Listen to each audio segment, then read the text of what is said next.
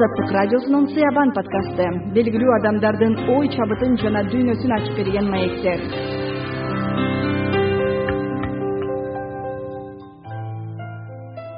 Байкасаңар ошо свет акеден баштап эле кентабрь эсиме чейин бул кишилер мындай бир кызык кишилер. Апенди чалыш апенди чалыш анан бул коомгодон өзгөчөлөнгөн киши ушул мен мындай өтө чоң чыгарма жаратканга аракет кылам да. Анын ичинде бүт концепциялар бар. Жөн эле эмес анан ошол балам тартылып калган да ошол да. Анан эмне үчүн кыргыздын өңү чокмордун өңүндөй деш керек да. Эмне үчүн кыргыздын өңү актандын өңүндөй болбош керек да. Көрсө ошол альхулук деген э, аял киши деле үч жолу эркектей болуп үч жолу айтып алып кетип калса болот экен. Бирок аны эч ким айтпайт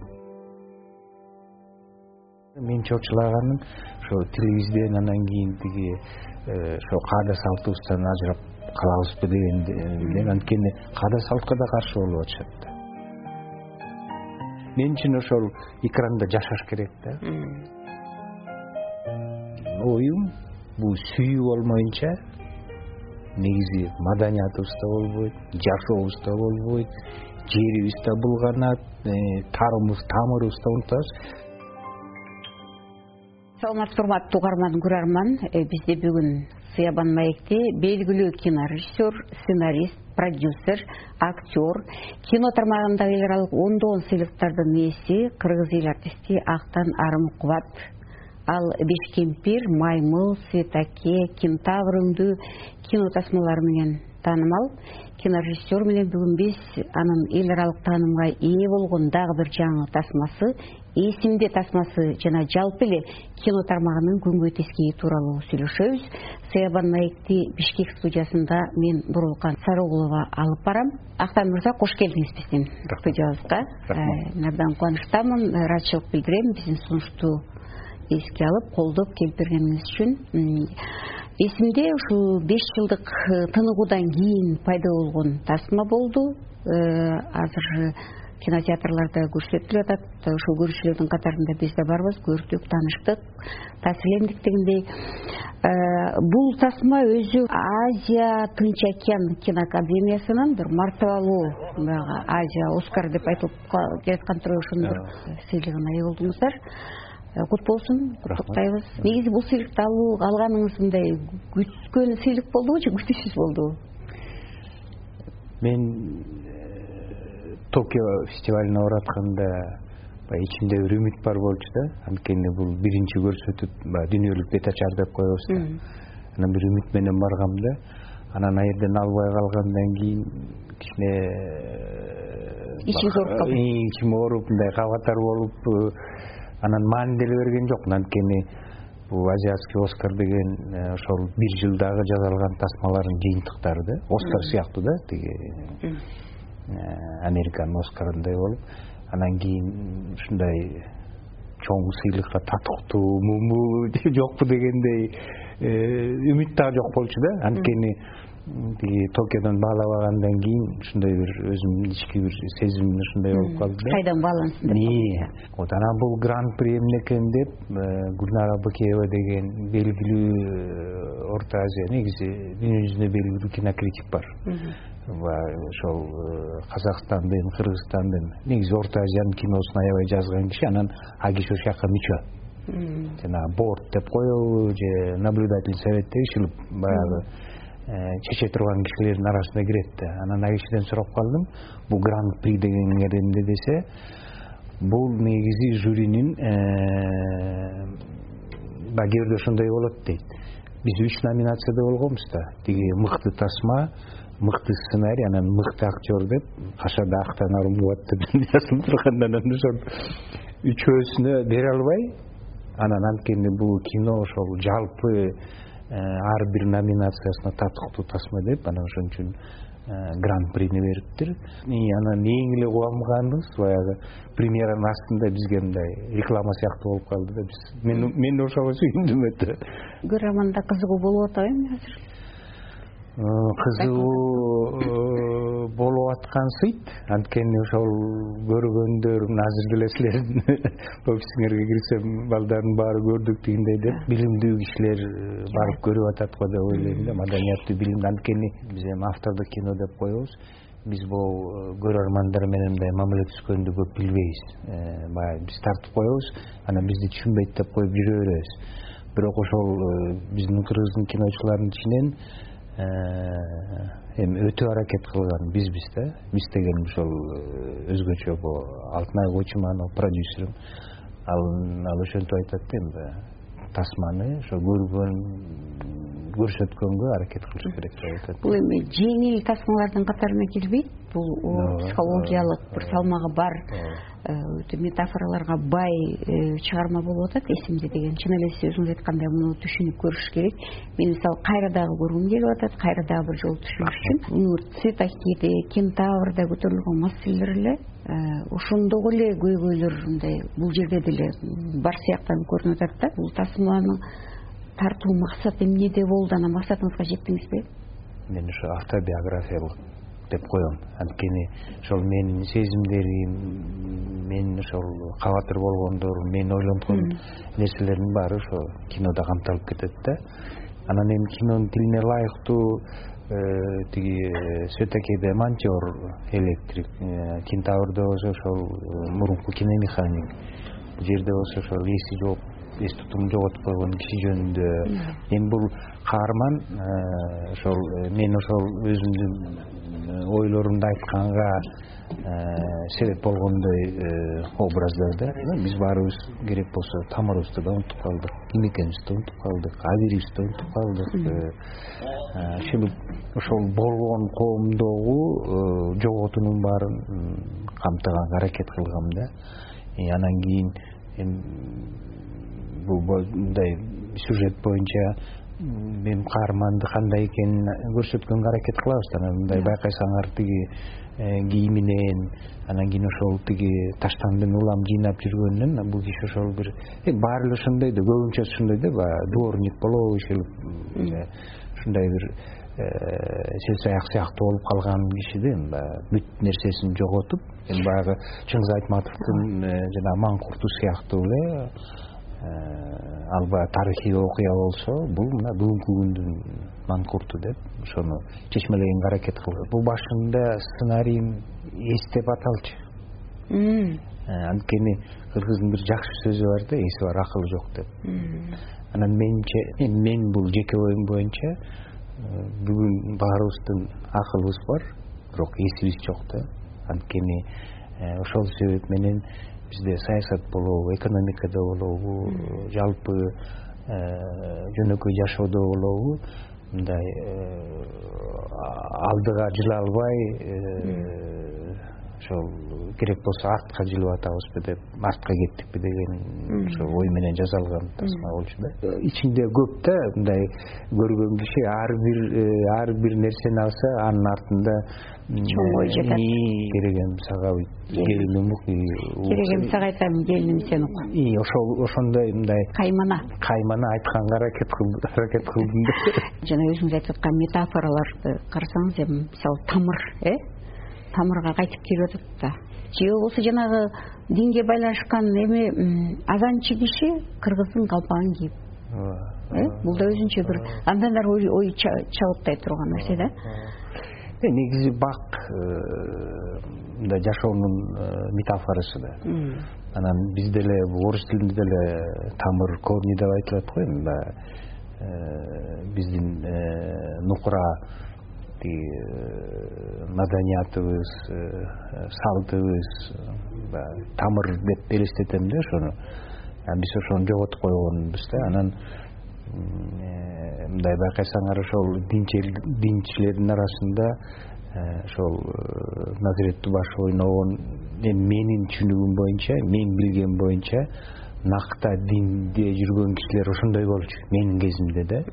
Кадимкиден эле тиги кыргыз калпак кийип э, болгон кийимибизди кийип эле бирок ишеним анан кийин дин анын ичинде болчу эч качан мындай сырткы формасын алчу эмеспиз да. А жана адабатчыларды алсаңар анан ошол эле имамды эметсеңер булар эми билбейм тиги афгандын кийимдери арабтардын кийимдери анан кийин ал кишилер дагы диндин тамырын жоготуп койгонбу дегендей ой жүгүртөм да. Мындай бир өздөрүн таба албай жүргөн кишилердей кылып кылгам да. дин жөнүндө көп суроолор болуп калат. Бул чет өлкөдө чыксаң да анан мен дайыма айтам. Мен динге каршы эмесмин дейм да. Анткени ар бир кишинин керек болсо мен өзүм да кудай деген кишимин арабташууга каршымын деп айтам да. Анан кээ бирде бул кентаврда э, кезилип калды ошол жерде ыйлаган жерим бар болчу тиги. Эмне үчүн биз кудайга өзүбүздүн тилибиз менен кайрыла албайбыз дегенде. Бул эми менимче чоң тема болуш керек. Ооба. Аны э, мен эле чечпейм болуш керек. Бирок бул чыгармачылык кишилер дайыма суроо коет да. Анан сиз айткандай менимче мындай э, түшүнүктүү көрөрман сезет болуш керек. Кудай деген киши ушундай болуш керек го деп. Анан ушул кишинин оозу менен дагы айтып атасыз алхула деген бул эми жаңы сөз экен мисалы талак дегенди билебиз. Биз абдан жакшы кыргыз коомунда өтө кеңири тараган. э, бирок алхула деген көрсө бул аялдардын укугун коргогон э, сүрө деп айтабызбы терминби әйтеуир э, бул ачылыш болуп атат. Бул аркылуу айтайын дегениңиз эмне болгон ошондо? Баягы сценарий жазып атканда ошого келдик да. Анткени бул динде жүргөндүн көбү менин түшүнүгүм боюнча буларда эми жанагындай светский соттор жок экен алар ошо молдолор никесин кыят анан кийин молдолор э, тиги талак дейби же ушул ошо дин дин э, мыйзамы менен э, ажырашат экен да анан кийин ошол жактан чыгып калып атпайбы. Куранды карап чыктыңыз да бар. Ооба жок. Мен эми өзүм караган жокмун баягы сценаристтерди карап анан кийин бизде консультанттар бар болчу да. А көрсө ошо альхулук деген э, аял киши деле үч жолу эркекте болуп үч жолу айтып алып кетип калса болот экен. Бирок аны эч ким айтпайт анан азыр эми тиги телефондон деле талактап кетип атпайбы. Бул эми ошол э, аялдын укугун басмырлагандай болуп калып атат да. Демек бул э, динди биз исламды али жакшы тааныбай туруп туура эмес багытка буруп атабыз деген маанини берейин деп атасыз бул негизи улуу диндердин бири да. Мен жана айткандай эч эч эмем жок тиги. Бирок ошону ошол эле кыргыздын сөзү бар тиги. Э, чала молдо дин бузат дегенчи. Анан менин түшүнүгүм боюнча куран бул өтө чоң философия да куран болобу библия болобу тооро болобу ушул мунун баары эми баягы кылымдардан келаткан нерсе да. Анан ошону туура туура чечмелеп туура неметиш керек да. Анан кийин менимче э, диний болобу ар же жанагы партиялардын уставдары болобу баягы элге пайда келсин деп улутка пайда келсин деп чечмелеш керек да. Менин чорчулаганым ошо тилибизден анан кийин тиги э, ошо каада салтыбыздан ажырап калабызбы дегенден анткени каада салтка да каршы болуп атышат да. Мисалы эсимдени карап отурсаңыз мисалы жанагы ушул эле дубашевдин столбогу ачып отурганын көрсөңүз экен. Эсиңизге түшөт.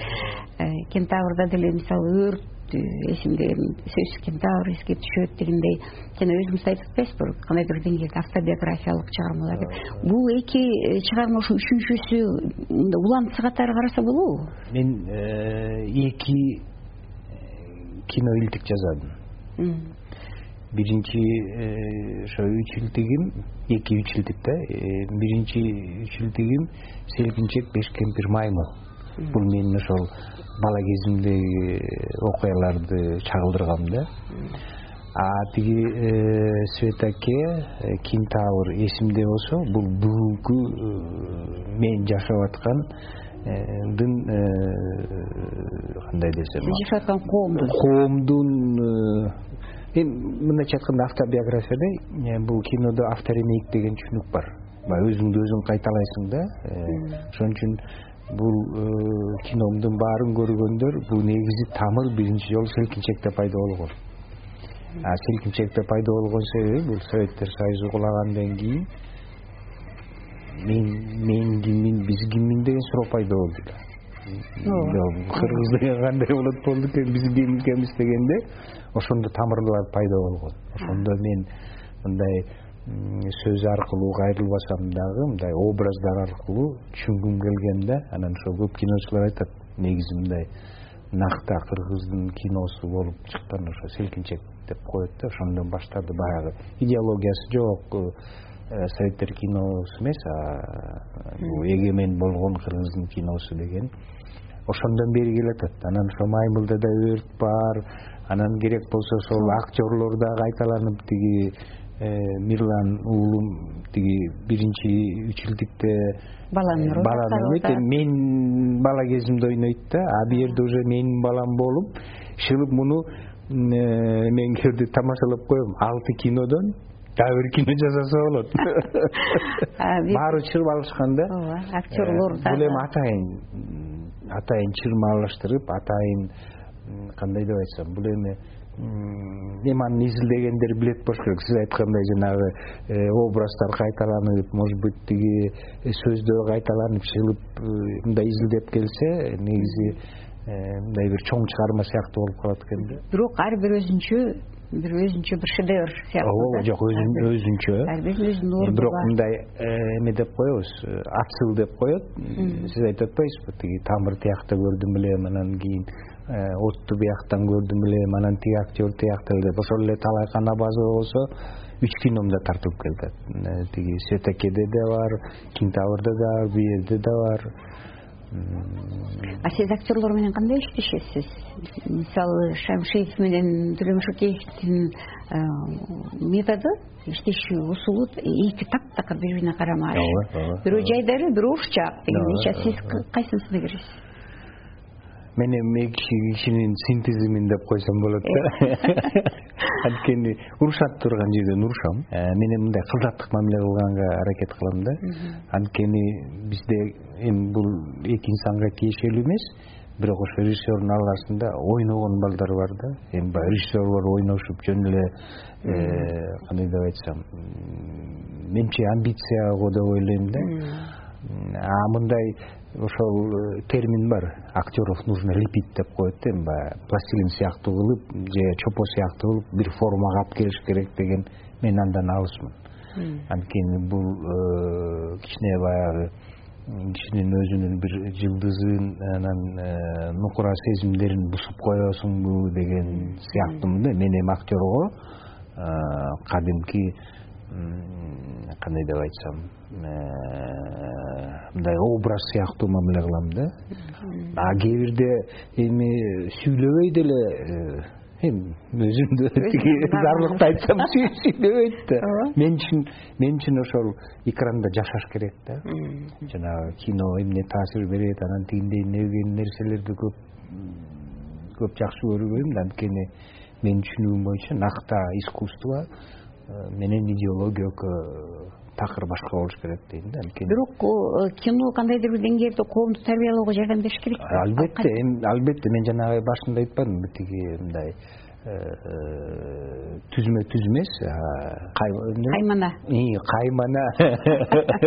Каймана таасир бериш керек да. Менимче негизи бүт эле искусство ошондой болуш керек го деп ойлойм да албетте ар бир даже тиги мен идеологияга тиешем жок же бирдеме деген сүрөтчүлөр деле бир Э, ойду бир э, тиги коомду дүйнөсүн өзгөртсө деген баалуулукту алып чыккан да. Даже жанагы абстракция же современный искусство деймиз баары бир ичинде э, терең ойлор жатат. Просто баягы өзүнүн бергени боюнча формасы боюнча мындай түзмө түз кылышпайт. Өз киносун өзү тартпаган режиссерлор аз эмес да дүйнөдө көп эле.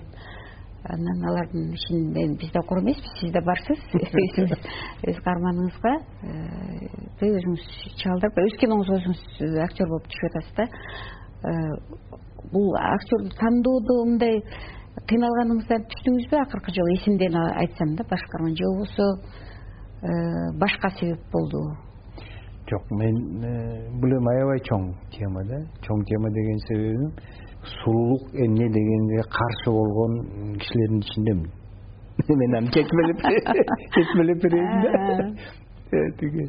Кыргыздын сөзү чокморовдун өңүндөй дейт э?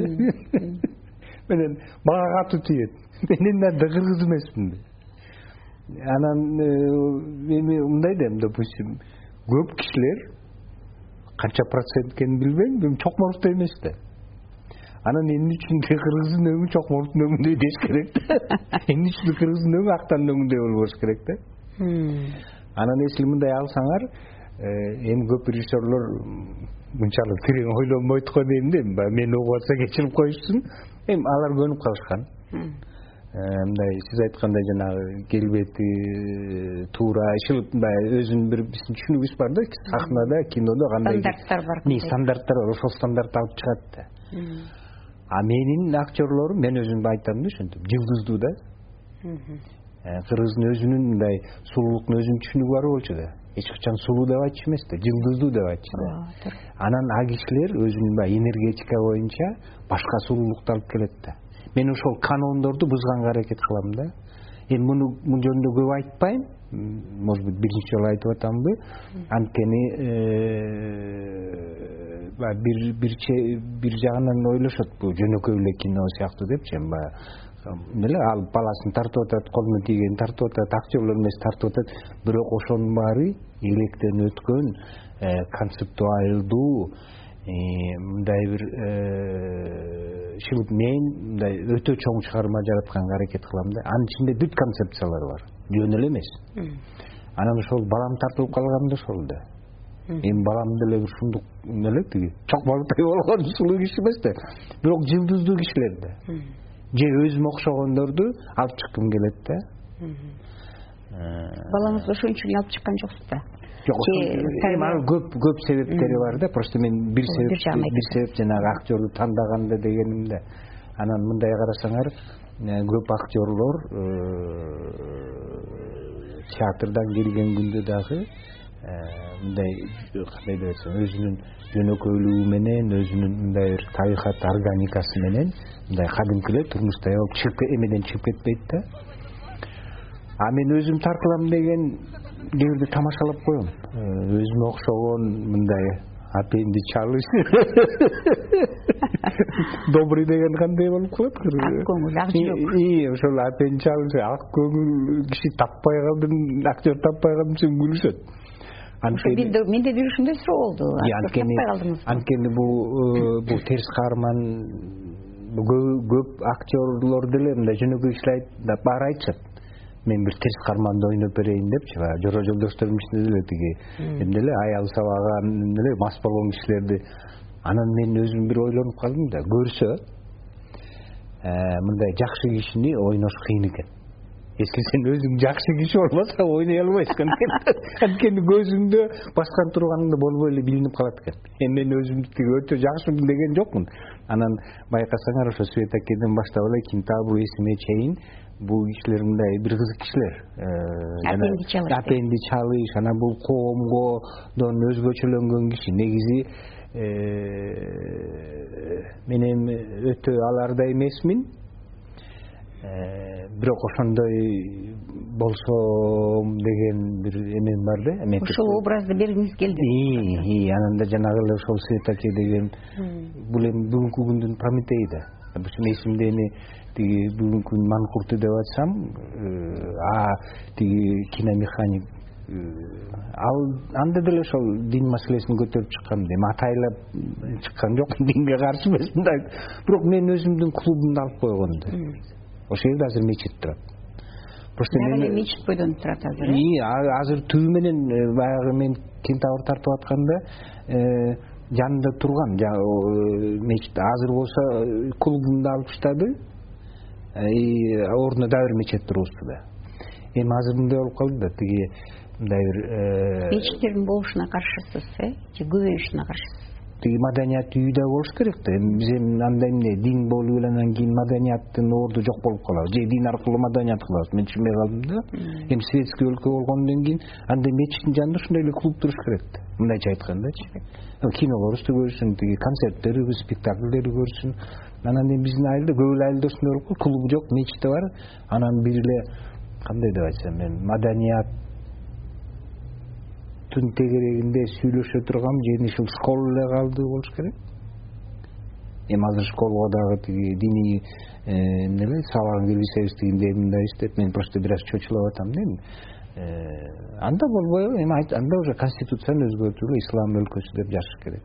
А светтик өлкө болгондон кийин еще ошого ылайыктуу эмелери болуш керек да.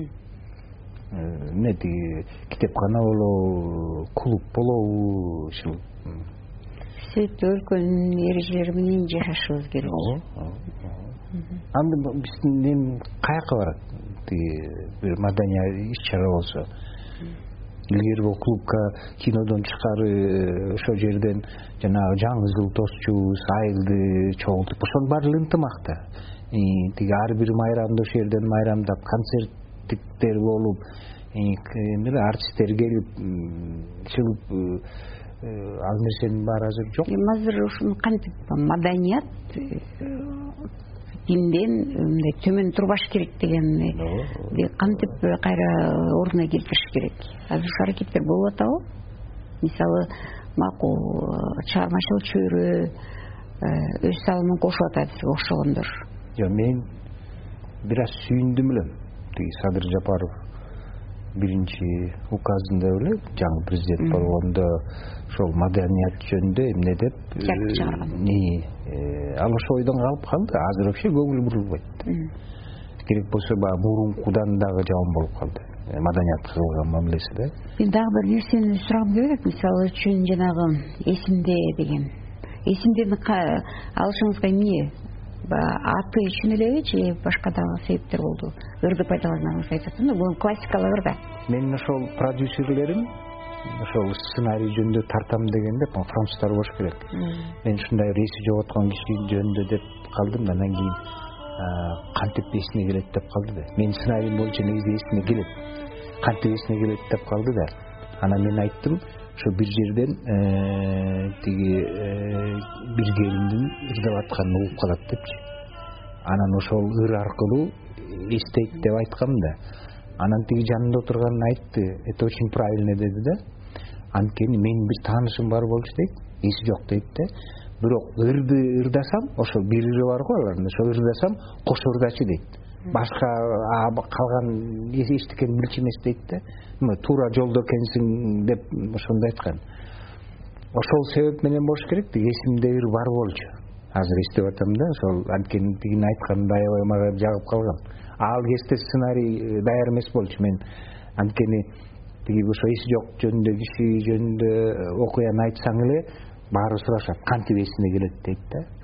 Сценарийде негизи эсине келчү аягында эми бул башка вариант да анда анда ошол умсунай каза болуп калат. Өзүн өзү тиги суу агып өлүп анан кийин ошондон кийин эсине келет тиги.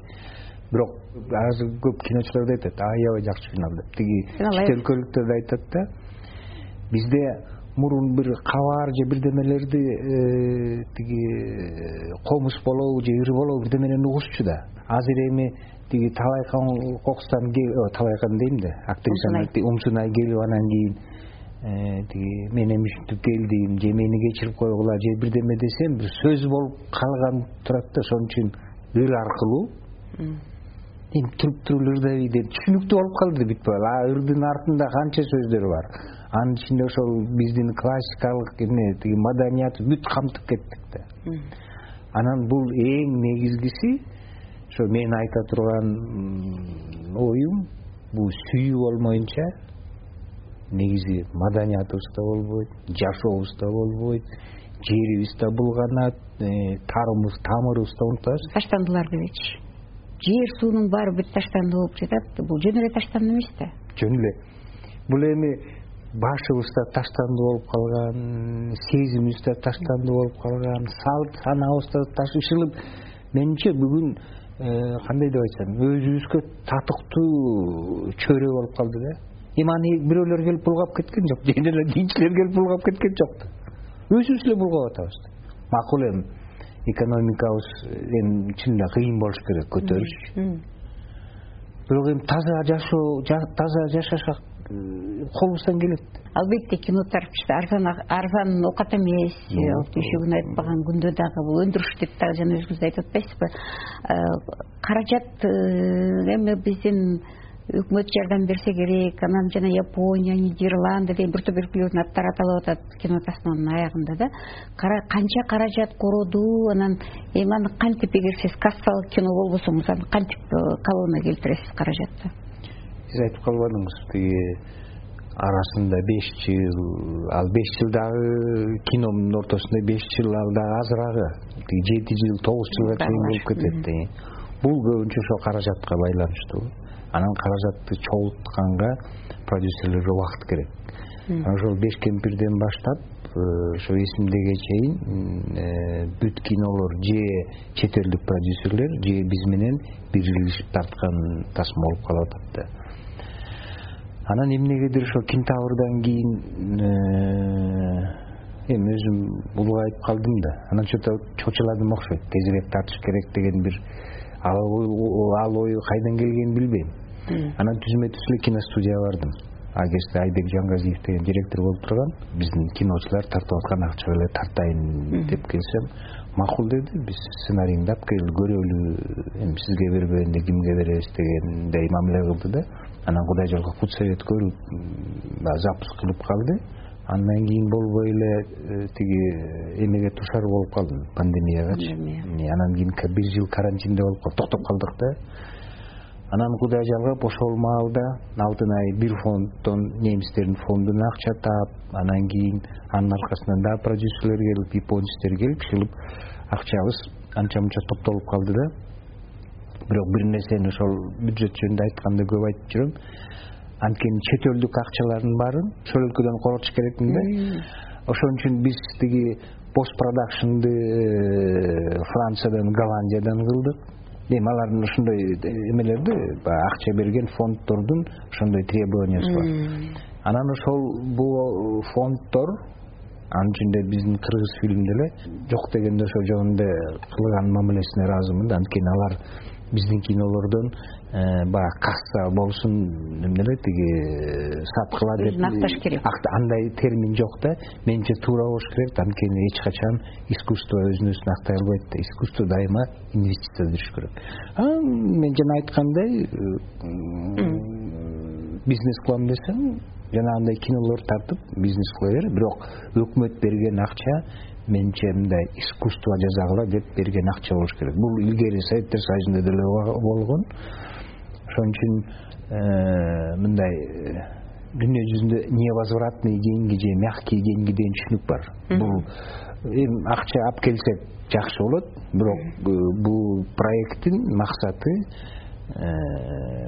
баягы нактаа э, искусство кино искусство жараткан дегенде. Маданиятыбызды культурабызды кантип э, эмне эле тиги сатабыз. сатабыз деген мааниде да анан бирок мен ойлойм аракет кылыш керек. Жана мени биз көрсөтүп аракет кылып атканыбыз ага канча акчабыз кетип атат өкмөттүн эмес биздин акчабыз кетип атат. Бул эми коомго керектүү нерселер албетте. Ошону көрсүн ошону тарбиялансын деген максат максат идеология жөнүндө өтүп калбадыкпы сүйлөшүп калбадыкпы азыр кандай болуп атат бүгүнкү кино тармакта чыккан продукциялардын акыбалы кандай? Негизи эле кино тармактын жашоосу кандай бүгүн?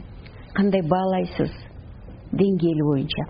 Бул кино башка маданият чөйрөсүндө караганда э, мындай бийик турат десем болот анткени мен муну э, айткан себебим бул кинорежиссер бул өзү э, өндүрүш менен да байланыштуу да чыгарым менен да байланыштуу анан кийин баягы советтер союзу кулагандан кийин жакшы адаптация болуп кетти да. Мен менен келген киночулар ошол эле марат сарылуу темир бирназаров эрнис эрнес абдыжапаров ошол чогуу келгенбиз да.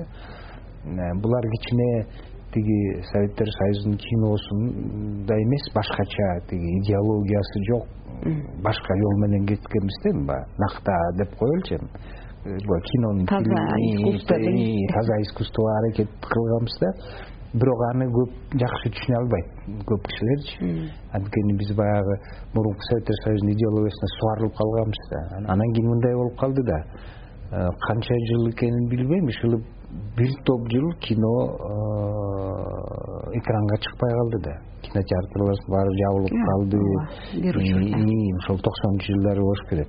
Анан кинолор келбей калды. Ошол кезде анан кийин аябай тиги американын киносу наплыв болуп анан эмне бразилия аргентинанын сериалдары келип негизи э, баягы көрөрмандардын мындай э, вкус восприятие жоголуп калды да. Алар кичине адашып калды да кино кандай эмне болот.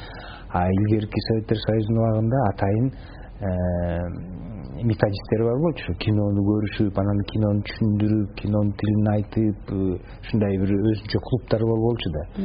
А ошонун баары бузулуп жоголуп калды да. Эми баягы советтер союзундай болуп кулап кыйрап жок болду да. Анан кийин тиги бүгүнкү күндөгү көрөрмандар даяр эмес деген себебим э, тиги жаш муун көрүнбөйт биздин кинолордочу мындай көп нерсени түшүнгөн билген билимдүү тажрыйбалуу анан кийин мындай бир э, кинону көрүп атканда бир ой жүгүртсөкпү деген кишилер келип биздин кинолорду көрөт да. Бул негизи э, туура эле. Анткени биздин кинолор ошондойлорго арналган ошондойлорго тартылган кинолор да. Бул эми биздин кино деле экиге бөлүнүп калган. Дүйнө жүзүндөй болупчу баягы жанрдык кино деп коет бирөөлөр бирөөлөр автордук кино деп коет. Кассалык кино деп коет. э, жалпагыраак тил менен айтканда э, тиги коммерциялык анан коммерциялык эмес кино эки агымы бар да. Биз ошол коммерциялык эмес киного киребиз да. Эми искусство деп коеюнчу ошого аракет кылган кино да.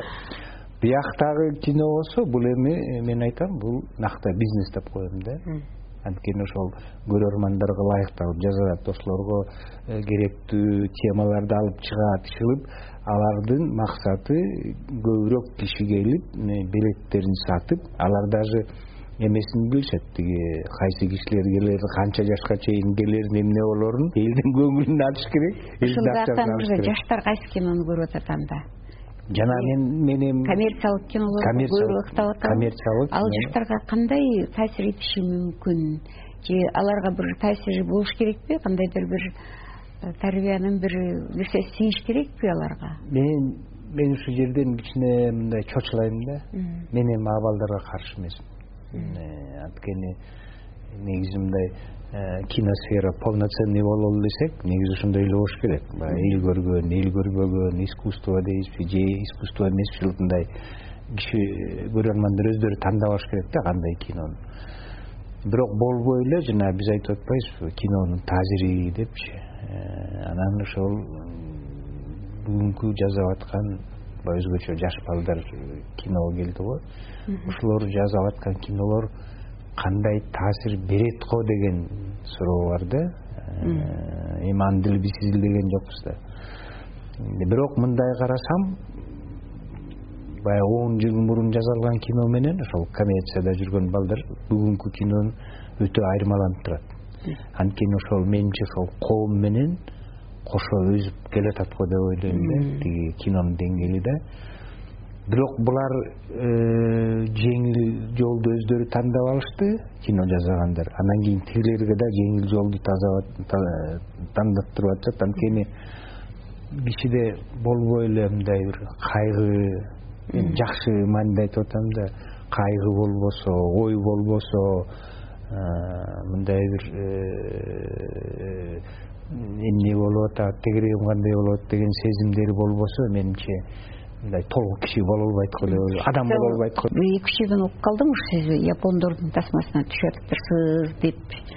Анан э, негизи эле ушул казакстандагы тасмаларга түшүп жүрөсүз э мен билгенден. Анан буга чейин жанагы кожо жашар аркылуу таанылган ким кыдыралиев дагы айтты эле ушул көп э, жан сактап тиричилигин ошо казак кинолорунун чакыруусу менен ошол жака тартылып жүрүп тиричилигимди оңдоп алдым анан ушул кыргыз кинолорунда актер катары тартылганга караганда көп тартылдым деп. Мисалы сизге окшогон кыдыралиевке окшогон бир таанымал чыгаан актер режиссерлорду ушул жака тартып аткан. Кандай кызыкчылык жетелеп атат? Бул мурунтан эле ошол советтер союзунан баштап эле ошо кыргыз казак киночуларынын мамилеси өтө жакшы да.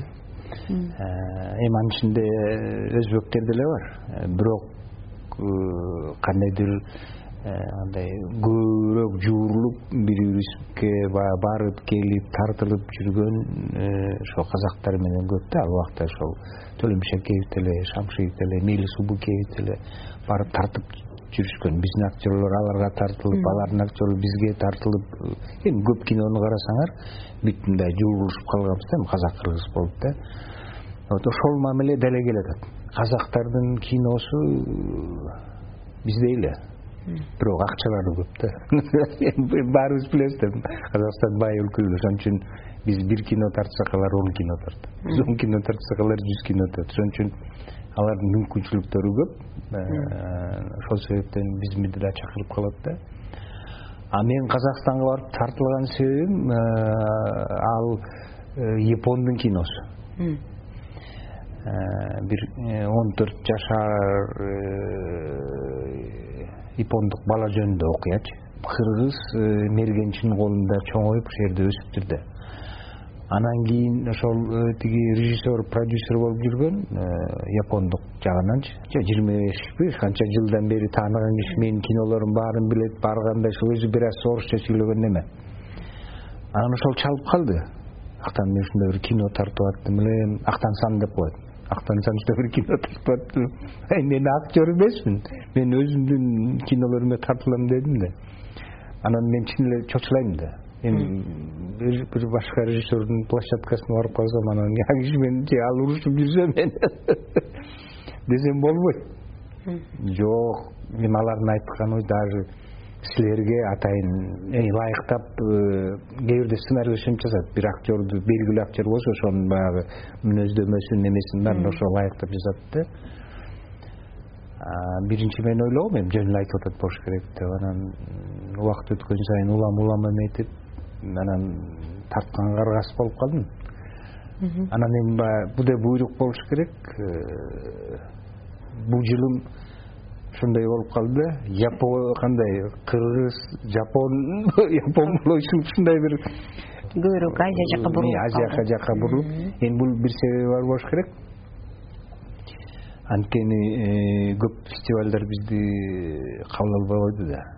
Анткени жанагы украинада болгон саясатка байланыштуу болуп калды. Анан эми чындап келгенде көп өлкөлөр биз ошол же ошол россиянын бир федерациясы деп ойлойбу. Орус сүйлөнгөн кинолордун баарын эметип таштабадыбы эч фестивалдарга албай жолотпой да коюшту да. Биздин баягы дүйнөлүк бет ачарыбыз токиодон болуп калган да ошол себеп болуп калды да. Анан баягы орустар айткандай. Мурдагы германияда болгон кинотавр э жок мында канда болгон берлинде болгон локарнада болгон ушул европадагы чоң фестивалдардан бет ачары болчу да кинотавр ушу германиядан болгон да. Все таки болсо кандан болду. Андай болгон учурда да сиздин чыгармачылыгыңызда быйыл бир дагы бир отчет болду окшойт анан э, эми буюрса кийинки тасмага максат коюп атасыз да тартканга же азырынча өлелү бул кичине ызык болот экен да. Анткени тиги пандемия болуп атканда эмнегедир өлүп калам го деп ойлогом анан шашып тартканым да ошол болчу. Анткени биздин возрасттагы кишилерге мындай психологиялык жагынан да кыйын болду деп ойлойм да. Анан канча жаш адамдар өтүп кетти кичине ошол э, баягы тумоо кетип э, мындай аң сезимим тазаланып калды окшойт деп ойлойм азыр баштадым бир сценариydичи бирок э, баягы кандай эмне экенин айтпай турайын ким менен эметип атканын анан ушул эле абдан жакшы күтөбүз ушул эле ошо бүгүнкү болуп аткан окуя жөнүндө ошо турмушта болгон нерселерди алып чыкканга аракет кылам деп ойлойм да. Күтөбүз буюрса дагы бир чыгарма биздин алдыбызга берет экенсиз. Э, э, бар болуңуз. Рахмат. Сизге чоң рахмат тасмаларыңыз үчүн. Анан биздин студиябызга келип маек уруп бергениңиз үчүн. Силерге рахмат. Ошол менин чыгармалар аркылуу айтып келеаткан болуш керек деп ойлойм да. Анан айтып келатканда да өзүмдүн мындай бир туруктуу бир э, позициямды э, эми көргөн кишилер билет болуш керек деп ойлойм да анан мындай бир э, элим оңолсо экен э, өлкөм оңолсо экен деген бир позицияда турам да. Ийгилик болсун анда. Бүгүн бизде мейманда белгилүү кинорежиссер сценарист продюсер актер кино тармагындагы эл алып ондогон сыйлыктардын ээси кыргыз эл артисти актан арымов кубат болду. Маекти бишкек студиясында мен сарыкулова алып бардым. Аман болуңуздар азаттык радиосунун сыябан подкасты. Белгилүү адамдардын ой чабытын жана дүйнөсүн ачып берген маектер